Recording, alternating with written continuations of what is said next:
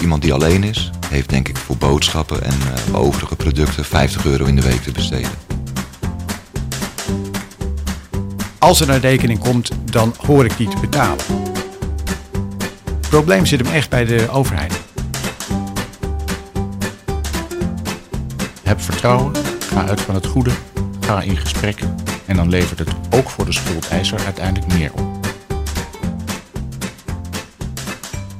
Luisteraars, hartelijk welkom bij De Kennismakers, aflevering 2. Kennismakers is een reeks podcast van de Hogeschool van Amsterdam over het praktijkonderzoek dat de hogeschool doet naar beroepen. Mijn naam is Paul Helbing, ik werk voor de Hogeschool van Amsterdam als directeur communicatie. Het thema van deze tweede uh, podcast is schulden. Hoe komt het dat mensen schulden hebben? Hoe ga je ermee om? Wat doet het met mensen? Etcetera. Daar gaan we het over hebben. In de studio hebben wij uh, lector armoede-interventies Roland van Geuns van de Hogeschool van Amsterdam. Hartelijk welkom, Roland. Dankjewel. En we hebben Joris Korsen. Hij is directeur van Bovin, bewindvoerder van mensen met schulden. Klopt. Joris, hartelijk welkom. Dankjewel. Uh, Roland, mag ik uh, bij jou beginnen? Uh, de Hogeschool van Amsterdam, zo zie ik her en der in de stad hangen, maakt een punt van grip op geld. Het is een soort campagne. Je ziet overal die posters hangen. Ik zie filmpjes verschijnen waar jij soms in voorkomt. Joris overigens ook. Waarom maakt die Hogeschool van Amsterdam een punt van grip op geld? Omdat uh, het hebben van grip op geld van uh, groot belang is voor, mensen om te voorkomen dat ze in schulden terechtkomen. En omdat we weten dat het hebben van schulden uh, voor de huishoudens die het aangaat hele vergaande gevolgen heeft. En het kan ons allemaal overkomen, hebben we in de afgelopen crisis uh, gezien. Dus in die zin is het van belang om dat ook richting uh, alle bewoners van deze stad uh, uit te dragen. Okay. Wat doe jij als lector daaraan? Of daarmee? als, als, als lector doe ik samen met een team van twintig onderzoekers onderzoek op het terrein van armoede en schulden, gericht op het voorkomen van van schulden, gericht op, het, uh, op de vraag van wat, kun je eraan, wat moet je eraan doen als mensen schulden hebben. En uiteindelijk vooral gericht op die professional die wij hier op de hogeschool opleiden. En ervoor te zorgen dat die effectief kan handelen als hij te maken krijgt met mensen met schulden. Hoe lang doe je dat al? bijna acht jaar nu. Okay. naar verluid doe je dat op voortreffelijke wijze. Want eind november heb jij de Impact Award gewonnen. Het is een prijs die uh, binnen de Amsterdamse kennisinstellingen, dus uh, Amsterdam UMC, maar ook de VU en de UvA en de HVA, wordt toegekend aan onderzoek wat, waarvan de jury uh, oordeelt dat het heel veel impact heeft op de maatschappij. wat ongelooflijk eervol. Gefeliciteerd. Dankjewel. Wij hebben, voordat we dit gesprek gingen, aan de juryvoorzitter gevraagd waarom jij die prijs gewonnen hebt. Daar gaan we nu even naar luisteren. Hallo uh, Roland, hier uh, René van Lier. Ik ben de voorzitter van de jury voor de Impact eh, Award. Ik wil je van harte feliciteren met deze eervolle onderscheiding. onze overwegingen waren eigenlijk vrij makkelijk.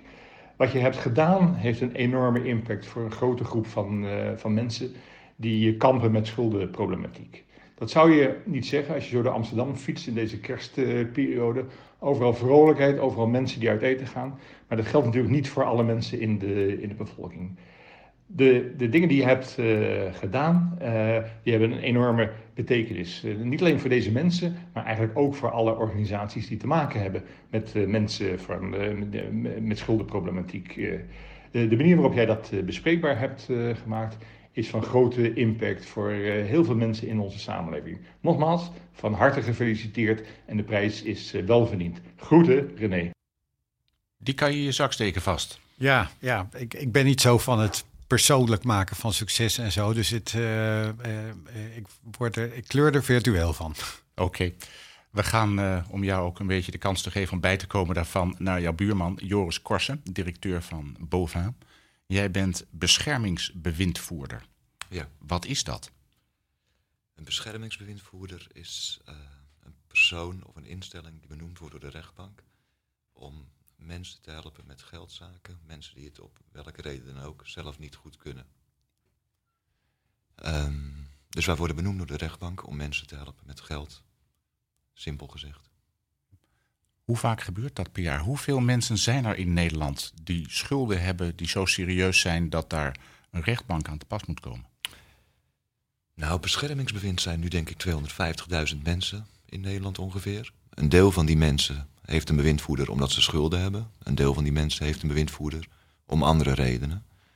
Ehm, als je kijkt naar Amsterdam, is het aantal mensen dat vorig jaar een bewindvoerder heeft gekregen omdat ze schulden hebben, is ongeveer uh, met 6000 mensen toegenomen. Hoe kan dat? Enerzijds omdat er meer mensen zijn met schulden, anderzijds omdat ze eerder gevonden worden. Een uh, derde reden is ook dat het hebben van schulden uh, nu ook een reden is om een bewindvoerder te krijgen. En tot 2014 was dat niet zo. Oké. Wat moet ik me voorstellen? Wat doe jij in de dagelijkse praktijk met de mensen die je hebben geleid? Noem je dat cliënten? Cliënten, klanten. Wat, wat doe jij met ze? Welke rol speel je?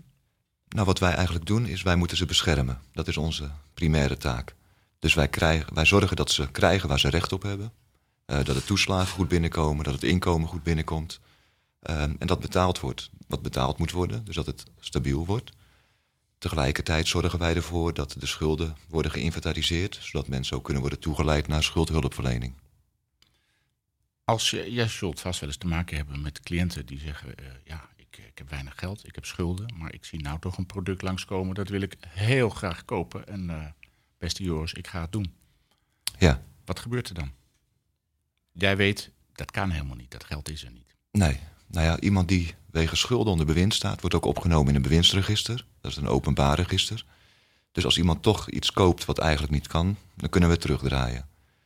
Meestal proberen we wel op voorhand met de klanten zo goed in gesprek te komen dat ze het al niet gaan doen. Of dat ze zelf tot het besef komen van, nou ja, mijn keus die ik nu wil gaan maken is niet de allerslimste. Moet je wel eens ingrijpen? Vaak. Ja. Hoe is dat voor beide betrokkenen? Uh, ik denk voor de klanten lastiger dan voor ons. Hm, Oké. Okay. Um, ik wil het eens hebben over wat het met mensen doet, het hebben van schulden. Wij uh, nemen dit gesprek op vlak voor kerst.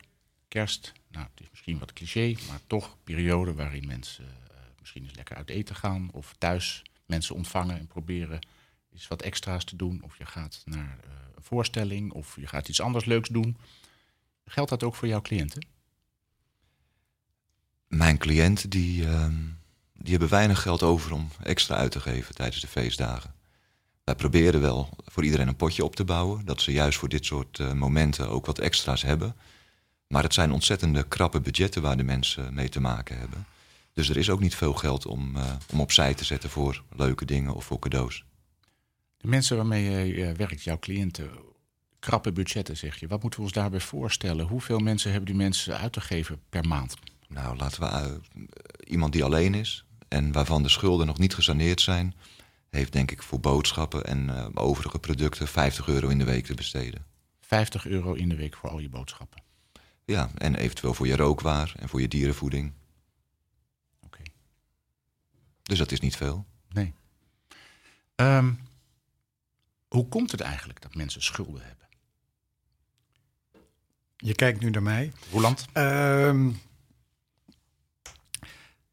ik kijk naar jullie allebei, maar ja, Roland woord. Um, in het verleden um, was daar een aantal redenen voor aan te merken, waarvan uh, de belangrijkste eigenlijk zitten in de sfeer van wat we dan noemen live events. Dus gebeurtenissen in je leven die ervoor zorgen dat je um, of met uh, hogere uitgaven of met lagere inkomsten te maken gaat krijgen.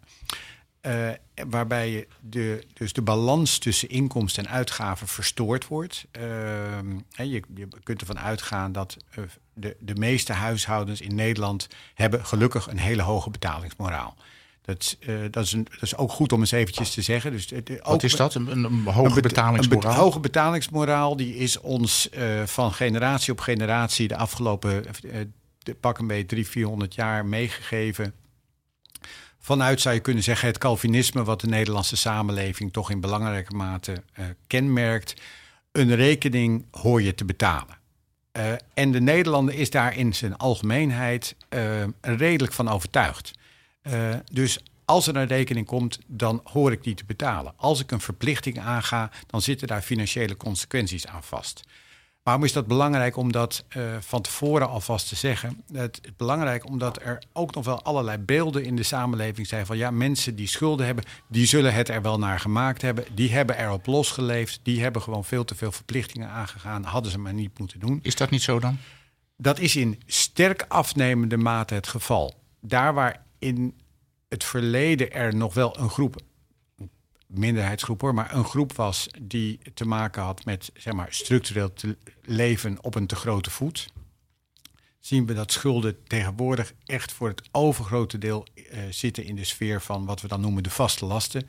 En de vaste lasten, dat zijn je huur, je zorgverzekering, je gas, water, licht uh, en dergelijke.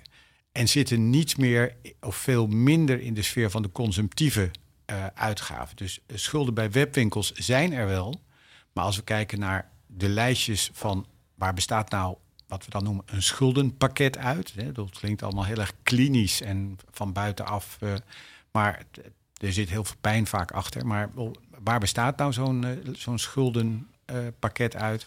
Dan zien we dat de posten die ik net noemde, dat dat de grootste zijn. De zorgverzekering staat met stip op één. met stip op twee inmiddels de Belastingdienst. Ehm, en dan met name de afdeling uh, toeslagen van de Belastingdienst. Nou, daar hebben de media de afgelopen weken ook vol over gestaan wat daar allemaal fout gaat. De, de, vaak kunnen mensen daar niet eens iets aan doen. Uh, bouwen ze een schuld op zonder het echt te weten. Maar op het moment dat je in die molen zit, dan kom je op een gegeven moment ook in een situatie dat je moet kiezen: betaal ik deze maand mijn huur of betaal ik deze maand mijn energierekening? Uh, en dat is een heel andere situatie dan een situatie waarin je uh, zeg maar, structureel te veel geld uitge uitgeeft. Oké. Um, als ik goed naar je luister, zeg je... er zijn eigenlijk heel weinig mensen bij wie de schulden ontstaan... omdat ze roekeloos met geld omgaan. Uh, Joris, herken je dat? Hoeveel procent van jouw cliënten zeg je nou... je bent zelf ook niet handig bezig? Nou, kijk, je, je zou kunnen stellen dat iedereen die schulden heeft... op enig moment niet handig bezig is geweest. Of je hebt een te duur huis gekocht... of je hebt toch op te grote voet geleefd of je hebt toch de dure boodschappen gedaan.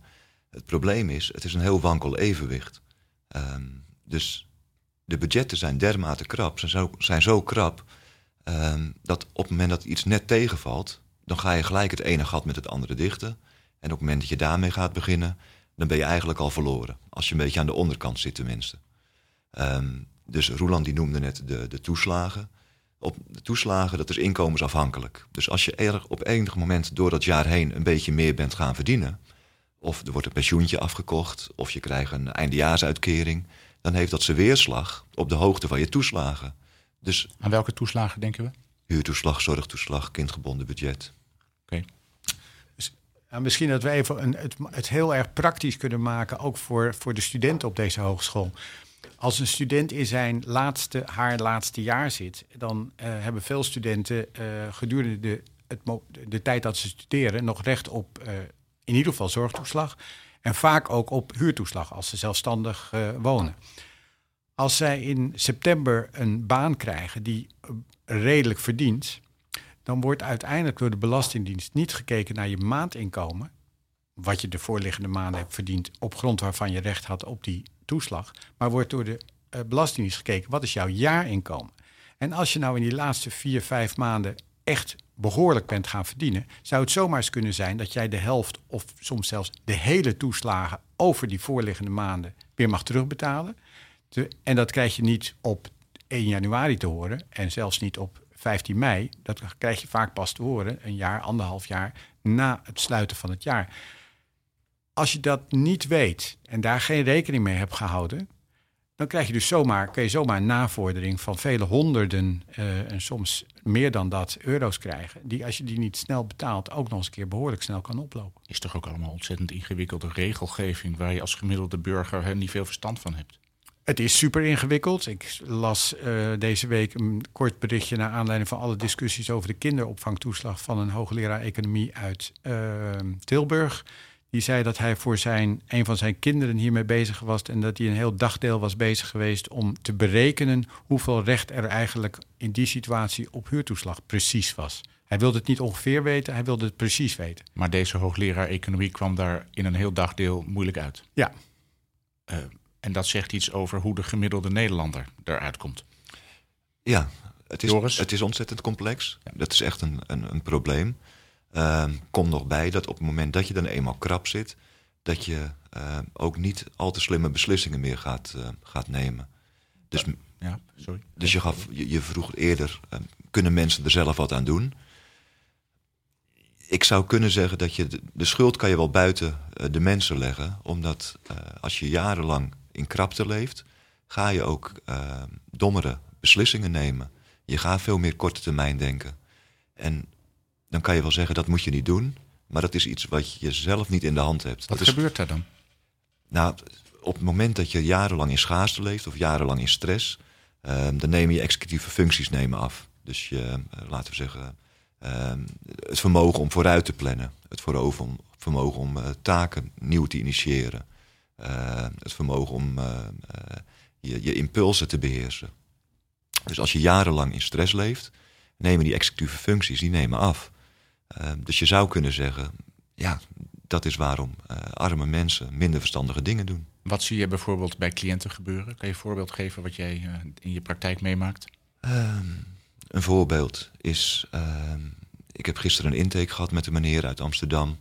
Die heeft een, een budget wat niet kloppend is. Dus er komt veel te weinig geld binnen of hij geeft veel te veel geld uit. Dus ik zeg, als ik zometeen je bewindvoerder ben, het eerste wat we gaan doen is die auto moet eruit, want je kunt het niet betalen. Want ik zeg, dit komt er binnen, dit gaat eruit, doorgesproken. Hij zegt, nou dat is goed, maar uh, dan wil ik wel graag 100 euro in de maand hebben voor een elektrische fiets. Ja, dat past ook niet. En, maar dat, dat, en dat is een, een, een slimme meneer, gezien opleidingsniveau. Maar het, het, het kunnen overzien van wat voor gevolgen bepaalde dingen hebben dat, dat lukt gewoon niet meer. Want deze meneer kan rekenen. Hij kan dus rekenen. daar zit het probleem niet. Waar zit het probleem dan wel? Hij kan niet meer vooruitkijken.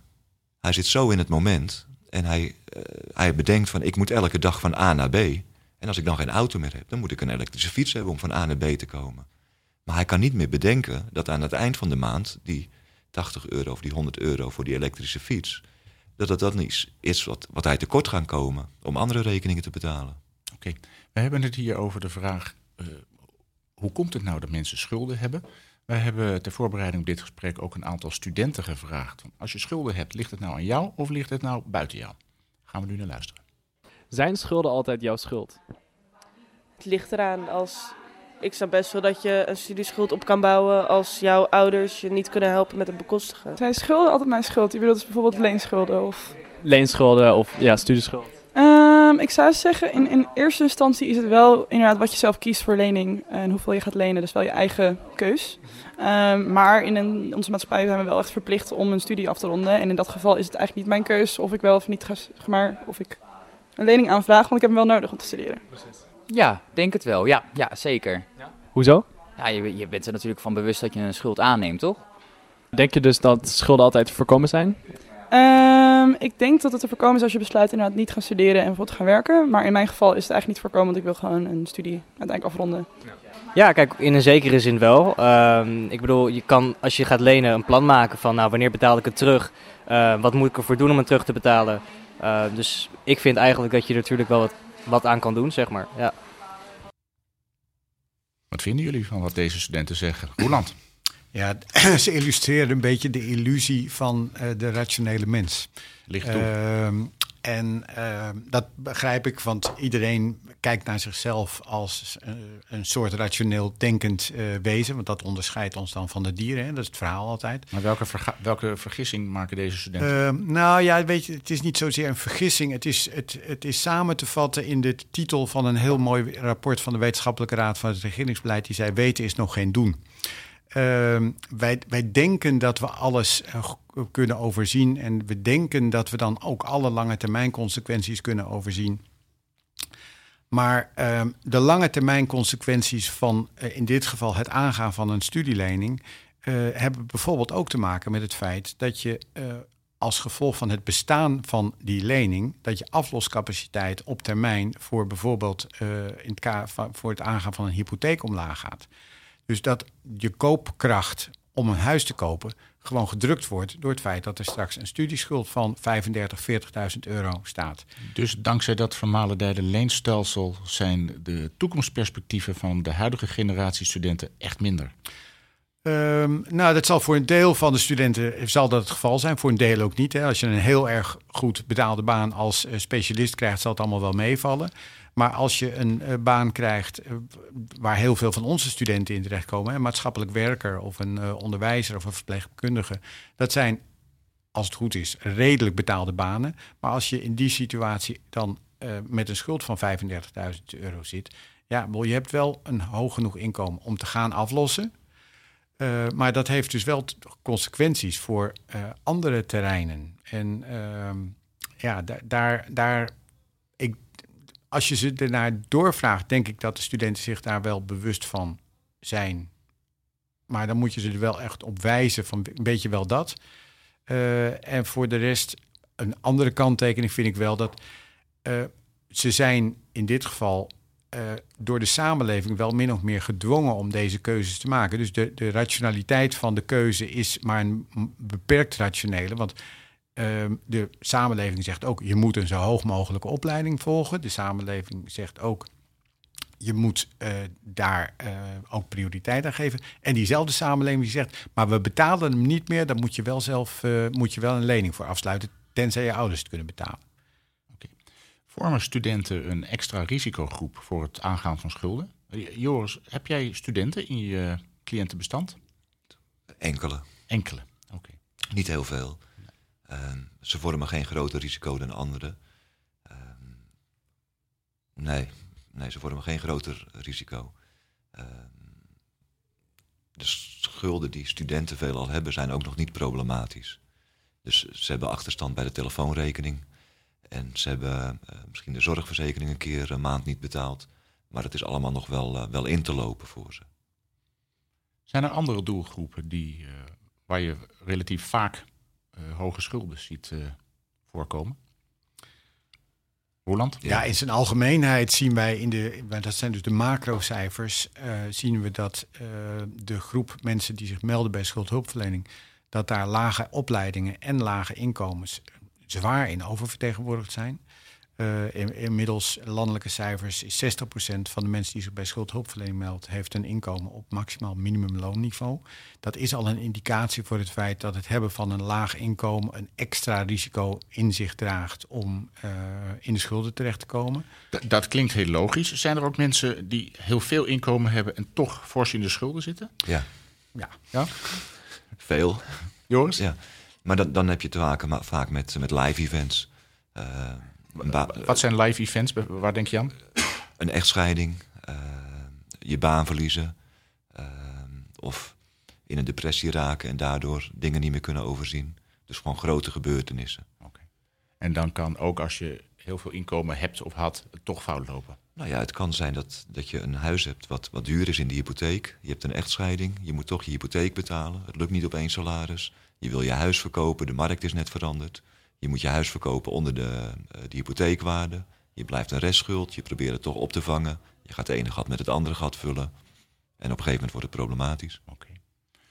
Even terug naar jou, Roland. Uh, ik vroeg welke, welke groepen mensen zie je vaak meer schulden hebben? Nou, je zijn mensen met lager inkomen. Dat, ja. dat klinkt logisch. Uh, dat heeft wellicht ook te maken met het lagere inkomensniveau dat je noemt.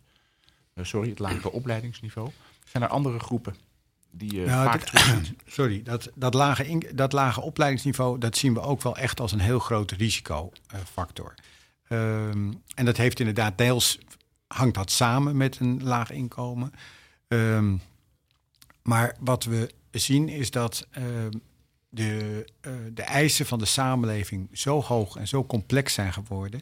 dat mensen tot aan middelbaar opleidingsniveau het daar ingewikkeld mee hebben. En dat naarmate dat opleidingsniveau lager wordt, uh, mensen het uh, ook het nog ingewikkelder wordt. En, het dus, uh, en mensen het eigenlijk alleen maar goed kunnen bolwerken als ze in hun omgeving mensen hebben die hun daarbij kunnen helpen. Op het moment wat, dat, voor, wat voor dingen gaat het dan bijvoorbeeld om? Nou ja, de vermalendijde toeslagen zijn natuurlijk al ja. genoemd. Dat is echt een ding wat, uh, wat het ingewikkeld maakt. Maar in, de, in deze kerstperiode is het dus niet alleen een, kerst, een periode van leuke dingen... maar het is ook een periode daarin, waarin mensen uh, verleid worden... om uh, maar zich te gaan herbezinnen op de zorgverzekering. Te kijken of ze niet een nieuwe zorgverzekering moeten kiezen.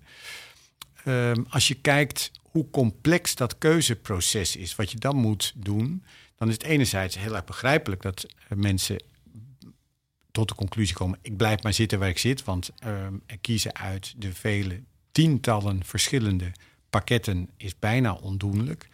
Ehm, maar je weet ook, eh, je weet ook niet waar, waarvoor je kiest, hè. Je, kiest. je denkt van nou, het is wel handig om tandartsverzekering te eh, hebben. Maar als wij echt rationeel zouden zijn, dan zou geen hond in Nederland een, een tandartsverzekering afsluiten. Behalve misschien voor de halfjaarlijkse keuring. Dus advies, gooi die er weer maar eens uit. Uh, nou, ik weet, dat hangt dus heel wel van je situatie af. Hè? Want het, het, ik zou me niet uh, meteen zo radicaal willen opstellen. Ik zou eerder zeggen, de basisstandheelkundige zorg... die hoort gewoon in het basispakket thuis. Dan lossen we een veel groter probleem op... dan dat we nu aan het creëren zijn... door een grote groep Nederlanders uh, bang te laten zijn voor de kosten van de tandarts... die dus helemaal niet meer naar de tandarts gaat. Dus, ehm, nou... Daarop inhaken, wat, wat, wat ook complex is. Uh, 2 miljoen mensen zijn laaggeletterd in Nederland. Op het moment dat je je baan verliest en je moet een WW-uitkering aanvragen, dan moet je een, uh, een ambtelijke molen gaan, een bureaucratische molen. Uh, wat vrij ingewikkeld is. Dan vervolgens heb je eindelijk die WW-uitkering. Maar dan moet je elke maand moet je doorgeven wat je overige inkomsten zijn geweest. Maar dat kun je pas doorgeven uh, na de eerste van de opvolgende maand. Maar de verhuurder wil graag zijn geld hebben voor het eerste van de nieuwe maand. Dus dan heb je eigenlijk al een, een gat. Um, dan heb je ook vaak de mensen te maken met mensen die het te ingewikkeld vinden om in te loggen met DigiD, om die gegevens door te geven. Dus het gebeurt niet. Nou, dat betekent dat ze gewoon geen uitkering krijgen die maand. Wat kan jij dan doen? Als we, als we kijken naar de positie van de, het gesprek zoals we dat tot nu toe voeren gaat over mensen met schulden. Hoe komt dat? Wie zijn dat? Et cetera. Het gaat over de bewindvoerder, die probeert mhm. mensen te helpen. Maar er is natuurlijk nog een partij. En dat zijn de mensen die nog geld te goed hebben van die mensen. Die zeggen, ja, ik vind het allemaal leuk en aardig, maar ik wil mijn geld zien. Ja. Snap ik ook. Nou ja, dat, enerzijds wel. Anderzijds, dat is ook een beetje de Calvinistische insteek waar Roeland het in het begin over had. Dat, ergens hebben we ook het idee dat mensen moeten ook een beetje gestraft worden uh, als ze schulden hebben. Want ze hebben het er ook een beetje zelf naar gemaakt. Terwijl mijn persoonlijke opvatting is, denk ik, op het moment dat je die mensen veel eerder tegemoet treedt, dat je als samenleving zoveel kosten bespaart en zoveel meer gelukkige mensen ook hebt, uh, dat het een veel wijzere oplossing zou zijn. Als we toch even teruggaan naar het perspectief van uh, degene die zijn geld uh, heeft uitgeleend, of die nog geld te goed heeft, dan, uh, als ik niet vergis, Roeland, doe jij onderzoek naar wat, wat helpt. Ja. Uh, wat helpt wel, wat helpt niet? Kan je iets vertellen over wat je onderzocht hebt en wat je daaruit uh, ontdekt hebt? Ja. Um, nou, een van de dingen die wij onderzocht hebben, en dat sluit heel erg aan bij wat uh, Joris net vertelt, um, is wat zou nou die schuldeiser kunnen of moeten doen in dat proces van het ontstaan van een eerste betalingsachterstand tot aan het proces dat er een niet meer te overziene berg van schulden ligt. En wat we daaruit leren is dat uh, zowel voor de schuldeiser als voor de schuldenaar veel verstandiger is en veel effectiever is om op een zo vroeg mogelijk staat, in een zo vroeg mogelijk stadium uh, direct in contact te treden met die schuldenaar. En uh, met die schuldenaar het gesprek te voeren over wat is er aan de hand en hoe kunnen wij gezamenlijk tot een oplossing van dit probleem komen. Want voor de schuldeiser is het vaak een is het, is het een uh, situatie waarin die schuldeiser twee belangen eigenlijk zou moeten afwegen. Uh, namelijk de een is, hoe kom ik aan mijn geld? Maar de ander is, hoe hou ik deze klant? Uh, en vaak is het bij schuldeisers zo dat de. maar klanten die niet betalen, die, die mogen toch wegwezen? Of, ja, ja, maar in sommige situaties wil je dat eigenlijk niet. Want misschien is het wel een incident dat iemand niet betaald heeft. Misschien is het wel gevolg van het feit dat hij een betalingsachterstand elders heeft. Dat hij mij een keer niet betaald heeft. Misschien zit er iets onder wat sowieso van tijdelijke aard is. Dus in die zin is het altijd van belang om eerst maar eens het gesprek te voeren over de vraag: wat is er nou aan de hand en wat is de achtergrond voor het feit dat jij niet betaalt hebt? Ik ga even advocaat van de duivel doen. Doe ja, dat vooral. Jouw achtergronden. Ja? Uh, het is mijn geld, ik wil mijn geld zien. Uh, Dus er vast wel uh, schuldeisers die het zo benaderen. Ja, die zijn er. Um, overigens zitten die steeds meer vooral in de sfeer van de overheid en steeds minder in de sfeer van de private schuldeisers. Dat geeft al iets aan over dat belang. Bij de private schuldeiser is het veel meer de, die afweging die je ziet ontstaan van wat kost het me om dit geld binnen te hengelen en wat levert het me op om dat gesprek aan te gaan. Heel mooi voorbeeld daarvan is uh, eh, CZ, de zorgverzekeraar. Die heeft een aantal jaar geleden zijn beleid totaal omgedraaid en heeft gezegd: laten wij er nou eens van uitgaan dat we die klant kunnen vertrouwen. Op het moment dat je een klant vertrouwt, moet de consequentie zijn dat als iemand niet betaalt, dat hij dat niet kan betalen. Want uh, je vertrouwt hem. Die klant doet wat in ons wederzijds belang is. Dus normaal gesproken betaalt hij. Als hij niet betaalt, kan hij niet betalen.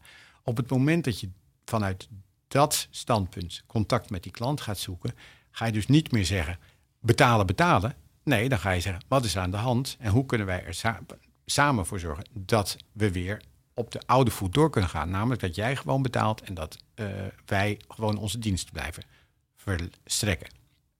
En waar, waar leidt oh, dat toe? Dat leidt in het geval van CZ tot uh, wat een bedrijfseconoom zou noemen een fantastische business case.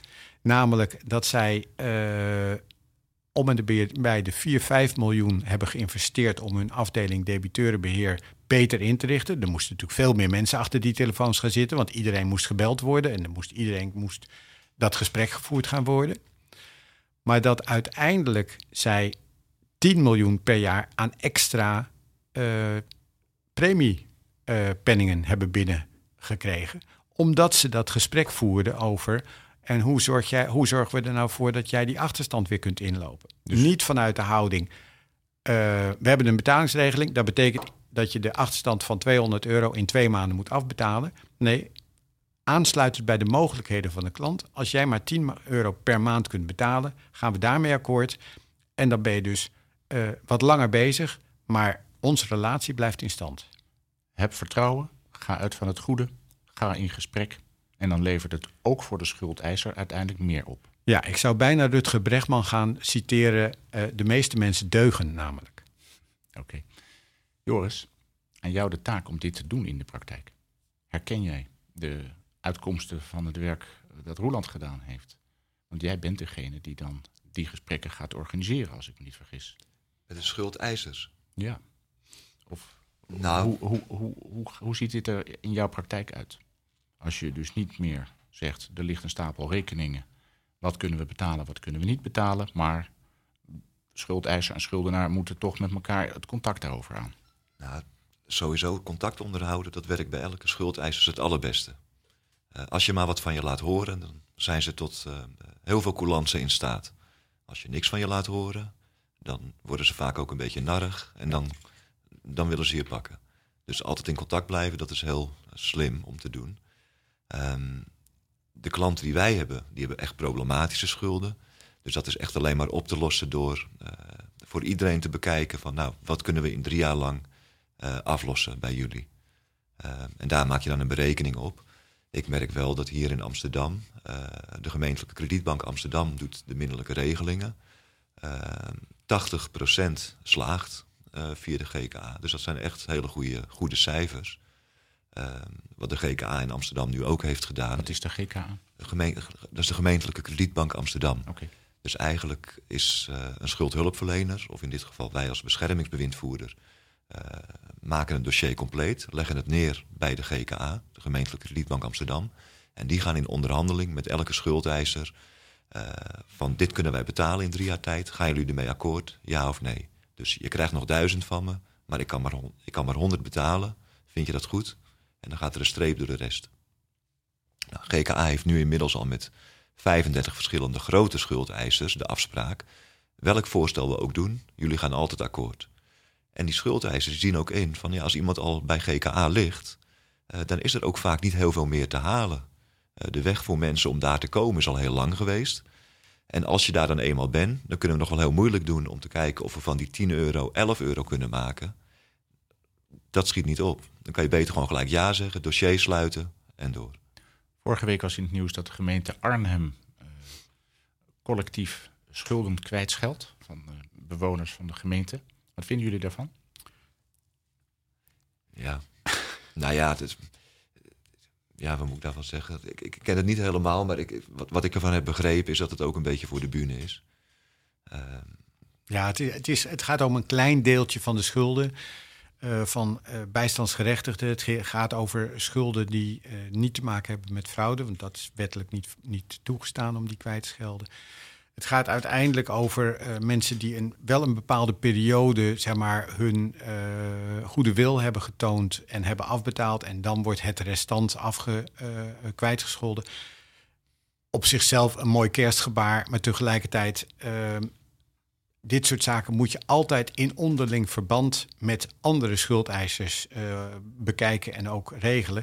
Want op het moment dat de, in dit geval de gemeente Arnhem zegt van wij gaan niet meer achter de rent- rest van het geld aan, dan ontstaat er dus wat we noemen aflossingsruimte bij die mensen. En dan is er vast wel een andere schuldeiser die zegt kip ik heb je.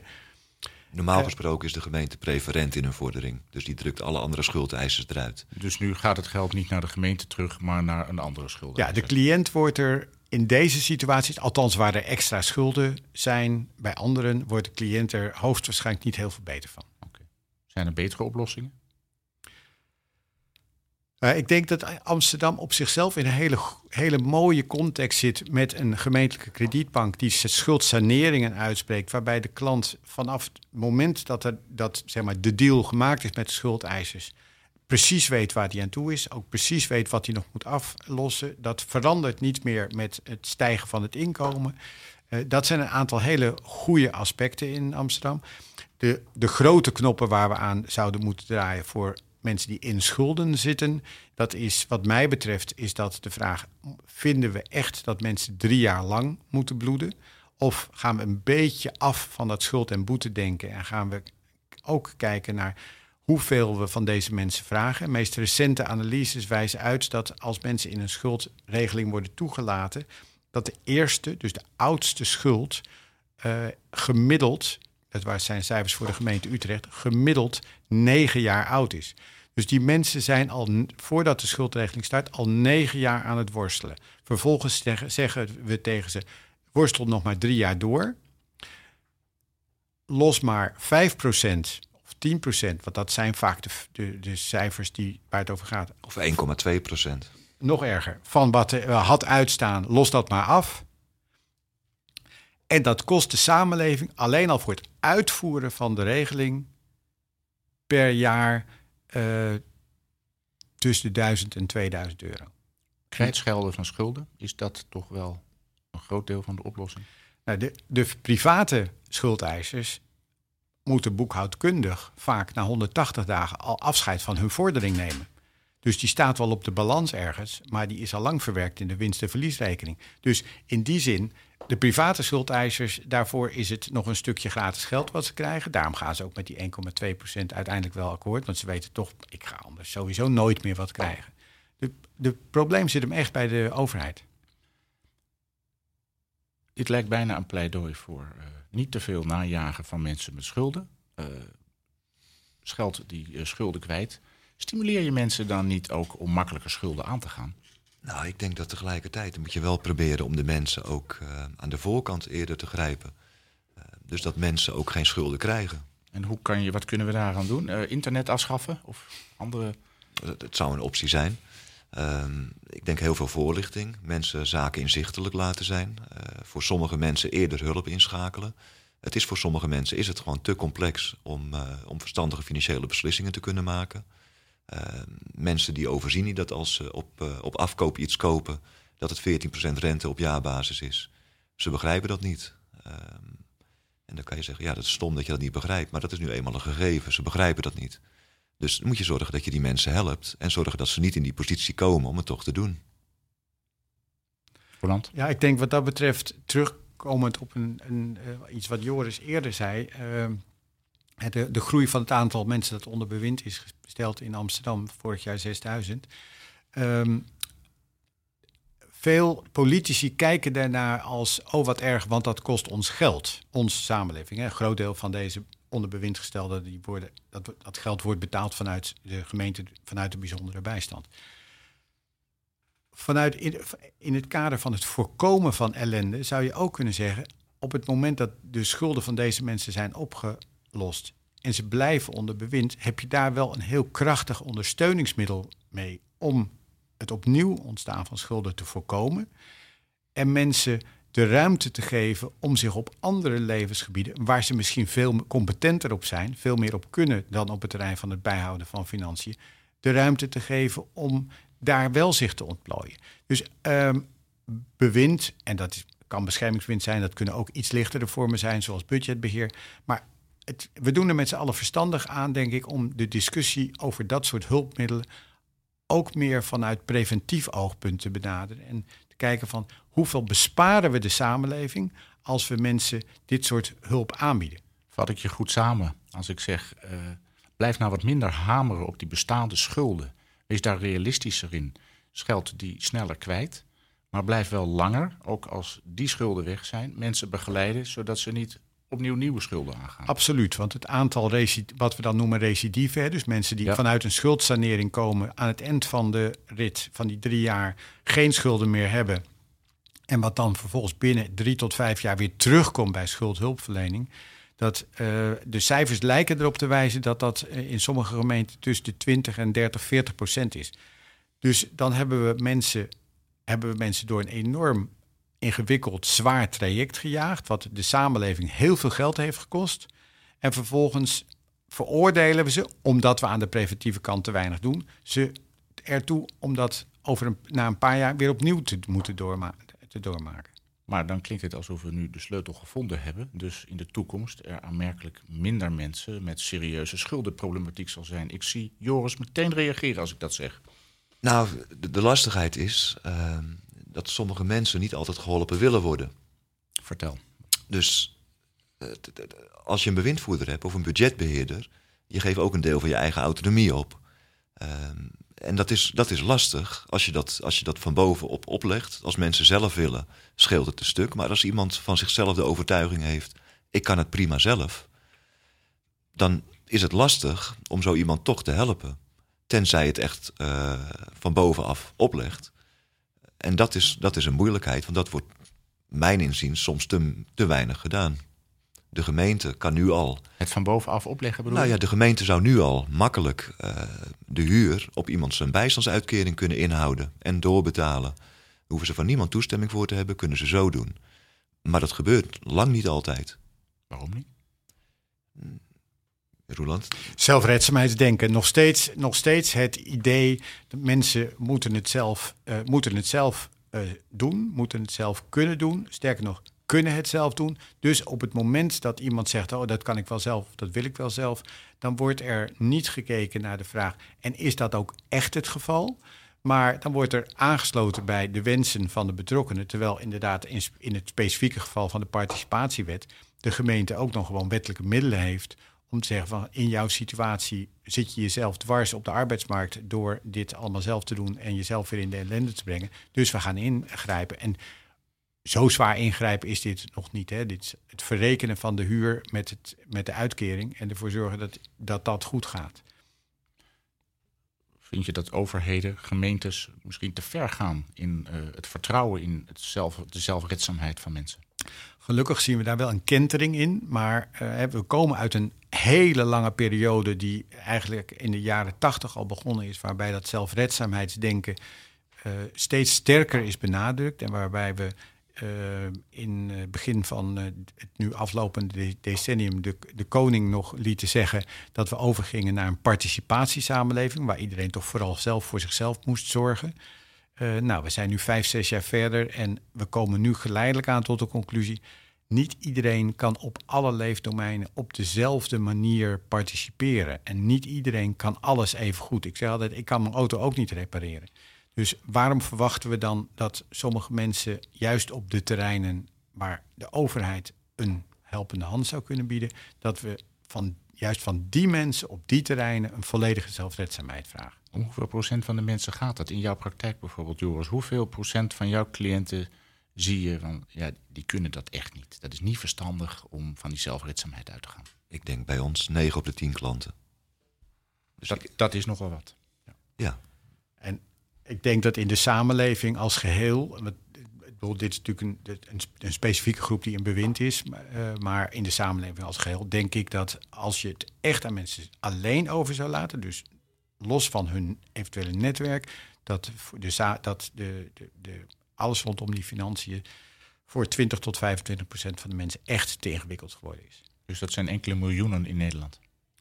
Eh, ja, we hebben 2,5 miljoen mensen met een verstandelijke beperking in Nederland, om maar wat te noemen. 2 miljoen mensen met een met lage geletterdheid. Eh, En dat zijn mensen die vaak in die categorie die het niet zelf aankunnen. Dat is onder andere, maar er zijn eh, op het moment dat je bepaalde dingen niet hebt meegekregen. Een, een, goed voorbeeld is eh huishoudsituaties waarin een van de twee partners de boekhouding en alles rondom financiën heeft gedaan.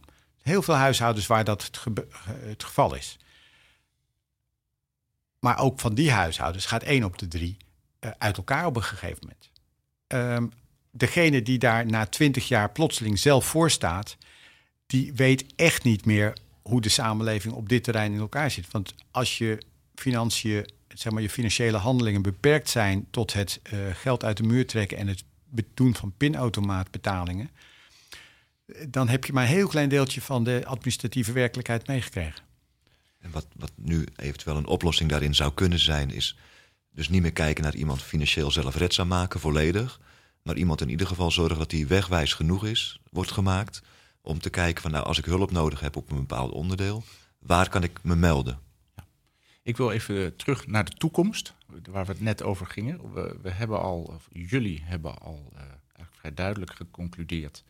Zie nou af van het najagen van ieder schuldbedrag, eh, eindeloos. Zet iets sneller ergens een streep onder, maar zorg wel dat je goed blijft begeleiden. eh, waarvan er een groep is die die begeleiding wellicht wat langer nodig zal hebben.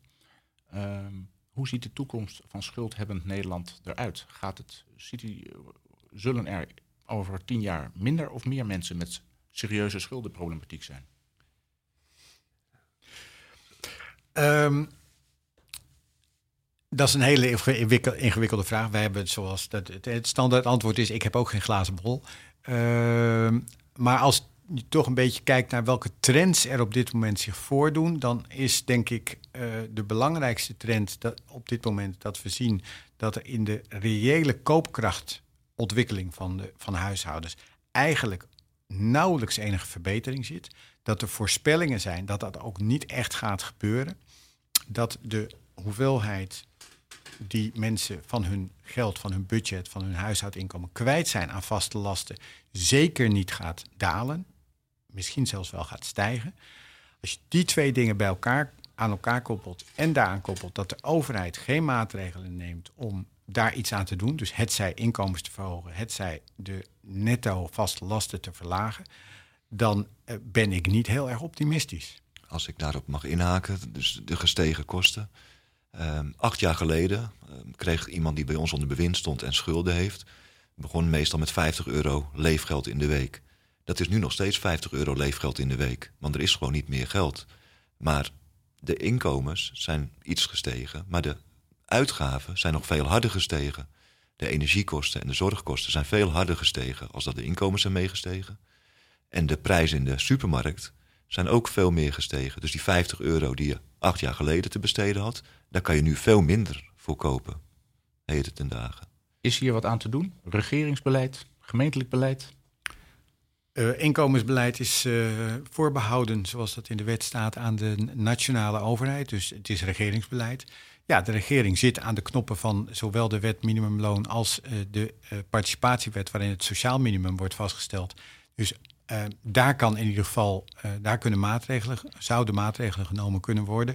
Alternatieven zitten in de sfeer van de toeslagen, maar uh, eigenlijk zou van het hele toeslagensysteem af moeten. Maar zolang dat er is, zou je ook met verhoging van de toeslagen dat gat voor een deel kunnen opvangen. Zouden we wel de uitbetaling van de toeslagen op een andere manier moeten gaan organiseren uh, dan het nu het geval is? Want nu, ontstaat, nu is daar sprake van veel te veel ongelukken. Eens. Oké. Ik wil het uh, hierbij laten. We hebben het gehad over mensen met schuldenproblematiek, over het ontstaan daarvan over de juiste wijze van begeleiding, over het onderzoek van Roland van Geuns met zijn 20 collega's naar eh, de wijze waarop je daar effectief mee om kunt gaan. Het to toekomstperspectief, dat vind ik zelf jammer. Dat is nog niet heel rooskleurig, maar wellicht dat uh, goede regeringsbeleid nog, ons nog een beetje zal helpen. Laten we daar onder de kerstboom allemaal nog eens goed over nadenken. Ik wil jullie hartelijk danken voor het gesprek. Dankjewel. Graag gedaan.